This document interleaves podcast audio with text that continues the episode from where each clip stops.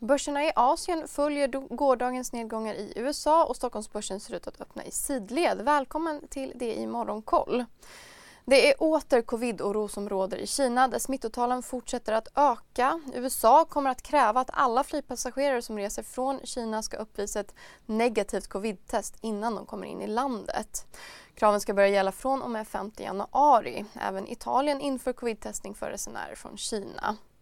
Hongkongbörsen handlas ner 1% Shanghai är ner en halv procent och Shenzhen handlas i sidled. Även Tokyobörsen är ner 1% Tidigare biträdande chef vid Bank of Japan som är en uttalad kritiker till nuvarande chefen Kurudas stimulansprogram växer nu fram som en stark kandidat till att efterträda Kuruda som ju ska avgå i april. Det här rapporterar tidningen Sankei. Utvecklingen i Kina tynger oljepriset. Ett fat Brentolja kostar nu 83 dollar. Vi rör oss vidare till USA där börserna stängde ner efter en svajig handelsdag och både S&P 500 och Nasdaq avslutade på nära minus 1,5 procent. En av anledningarna till de röda siffrorna var att Apple föll 3% och handlades kring 126 dollar. Senaste gången aktien handlades kring de här nivåerna det var i juni 2021. Ett ytterligare bolag på årslägsta var biojätten AMC som äger Svenska Filmstaden och föll omkring 4,5 procent. Och på tal om bio så har Disneys Avatar The Way of Water nu två veckor efter världspremiären nått milstolpen en miljard dollar i biljettförsäljning. Regissören James Cameron har tidigare... Där det finns ett samhälle, där finns det brott. Krimrummet är podden som tar brottsligheten på allvar. Jag bjuder in landets ledande experter och tar upp aktuella rättegångsfall för att begripliggöra den kriminalitet som kryper allt närmare. Du, alltså, du kan knäcka ett eller några gäng, men det kommer komma nya och så kan vi knäcka dem sen. Men att du ska knäcka allt forever, det kommer aldrig ske. Det är infinite gain. Lyssna på Krimrummet, en podd från Expressen med mig Kim Malmgren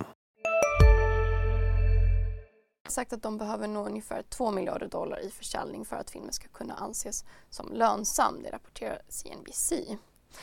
Tesla som under tisdagen rasade 11% var igår upp 3% Vi ska avsluta i Sverige. Kvalitena har sålt hela sitt innehav i smallcap-noterade Maha Energy. Innan försäljningen ägde Kvalitena ungefär 6,7 miljoner aktier i bolaget och var så sent som i somras största ägare. M2 Holding som styrs av Rutger Arnhult har minskat innehavet i Västbygg så att andelen av rösterna nu understiger 50% Efter transaktionen som skedde den 22 december uppstår, uppgår M2 Holdings ägande i Västbygg till omkring 16,4 miljoner aktier och drygt 46% av rösterna. Byggbolaget Skanska har tagit in en order från USA värd 1,1 miljarder kronor. Vi ska avsluta med bostadsmarknaden för priset på bostadsrätter i Stockholms kommun sjönk en halv procent i december enligt Danske Bank Boprisindikator. Säsongsrensat så motsvarade det här en nedgång med 0,6 procent. Priserna steg för lägenheter i storlekarna 30 till 40 samt 60 till 80 kvadratmeter medan övriga storleksklasser bidrog till den totala prisnedgången. Det här var allt från den här nyhetsuppdateringen. Vi sänder igen när Stockholmsbörsen har öppnat. På återseende.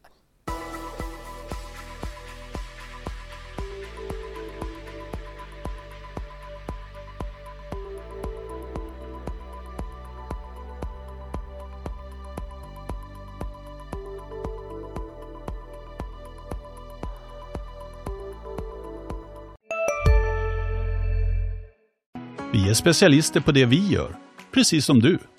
Därför försäkrar vi på Swedea bara småföretag, som ditt. För oss är små företag alltid större än stora och vår företagsförsäkring anpassar sig helt efter firmans förutsättningar. Gå in på swedea.se företag och jämför själv. Hej, Synoptik här. Hos oss får du hjälp med att ta hand om din ögonhälsa. Med vår synundersökning kan vi upptäcka både synförändringar och tecken på vanliga ögonsjukdomar. Boka tid på synoptik.se.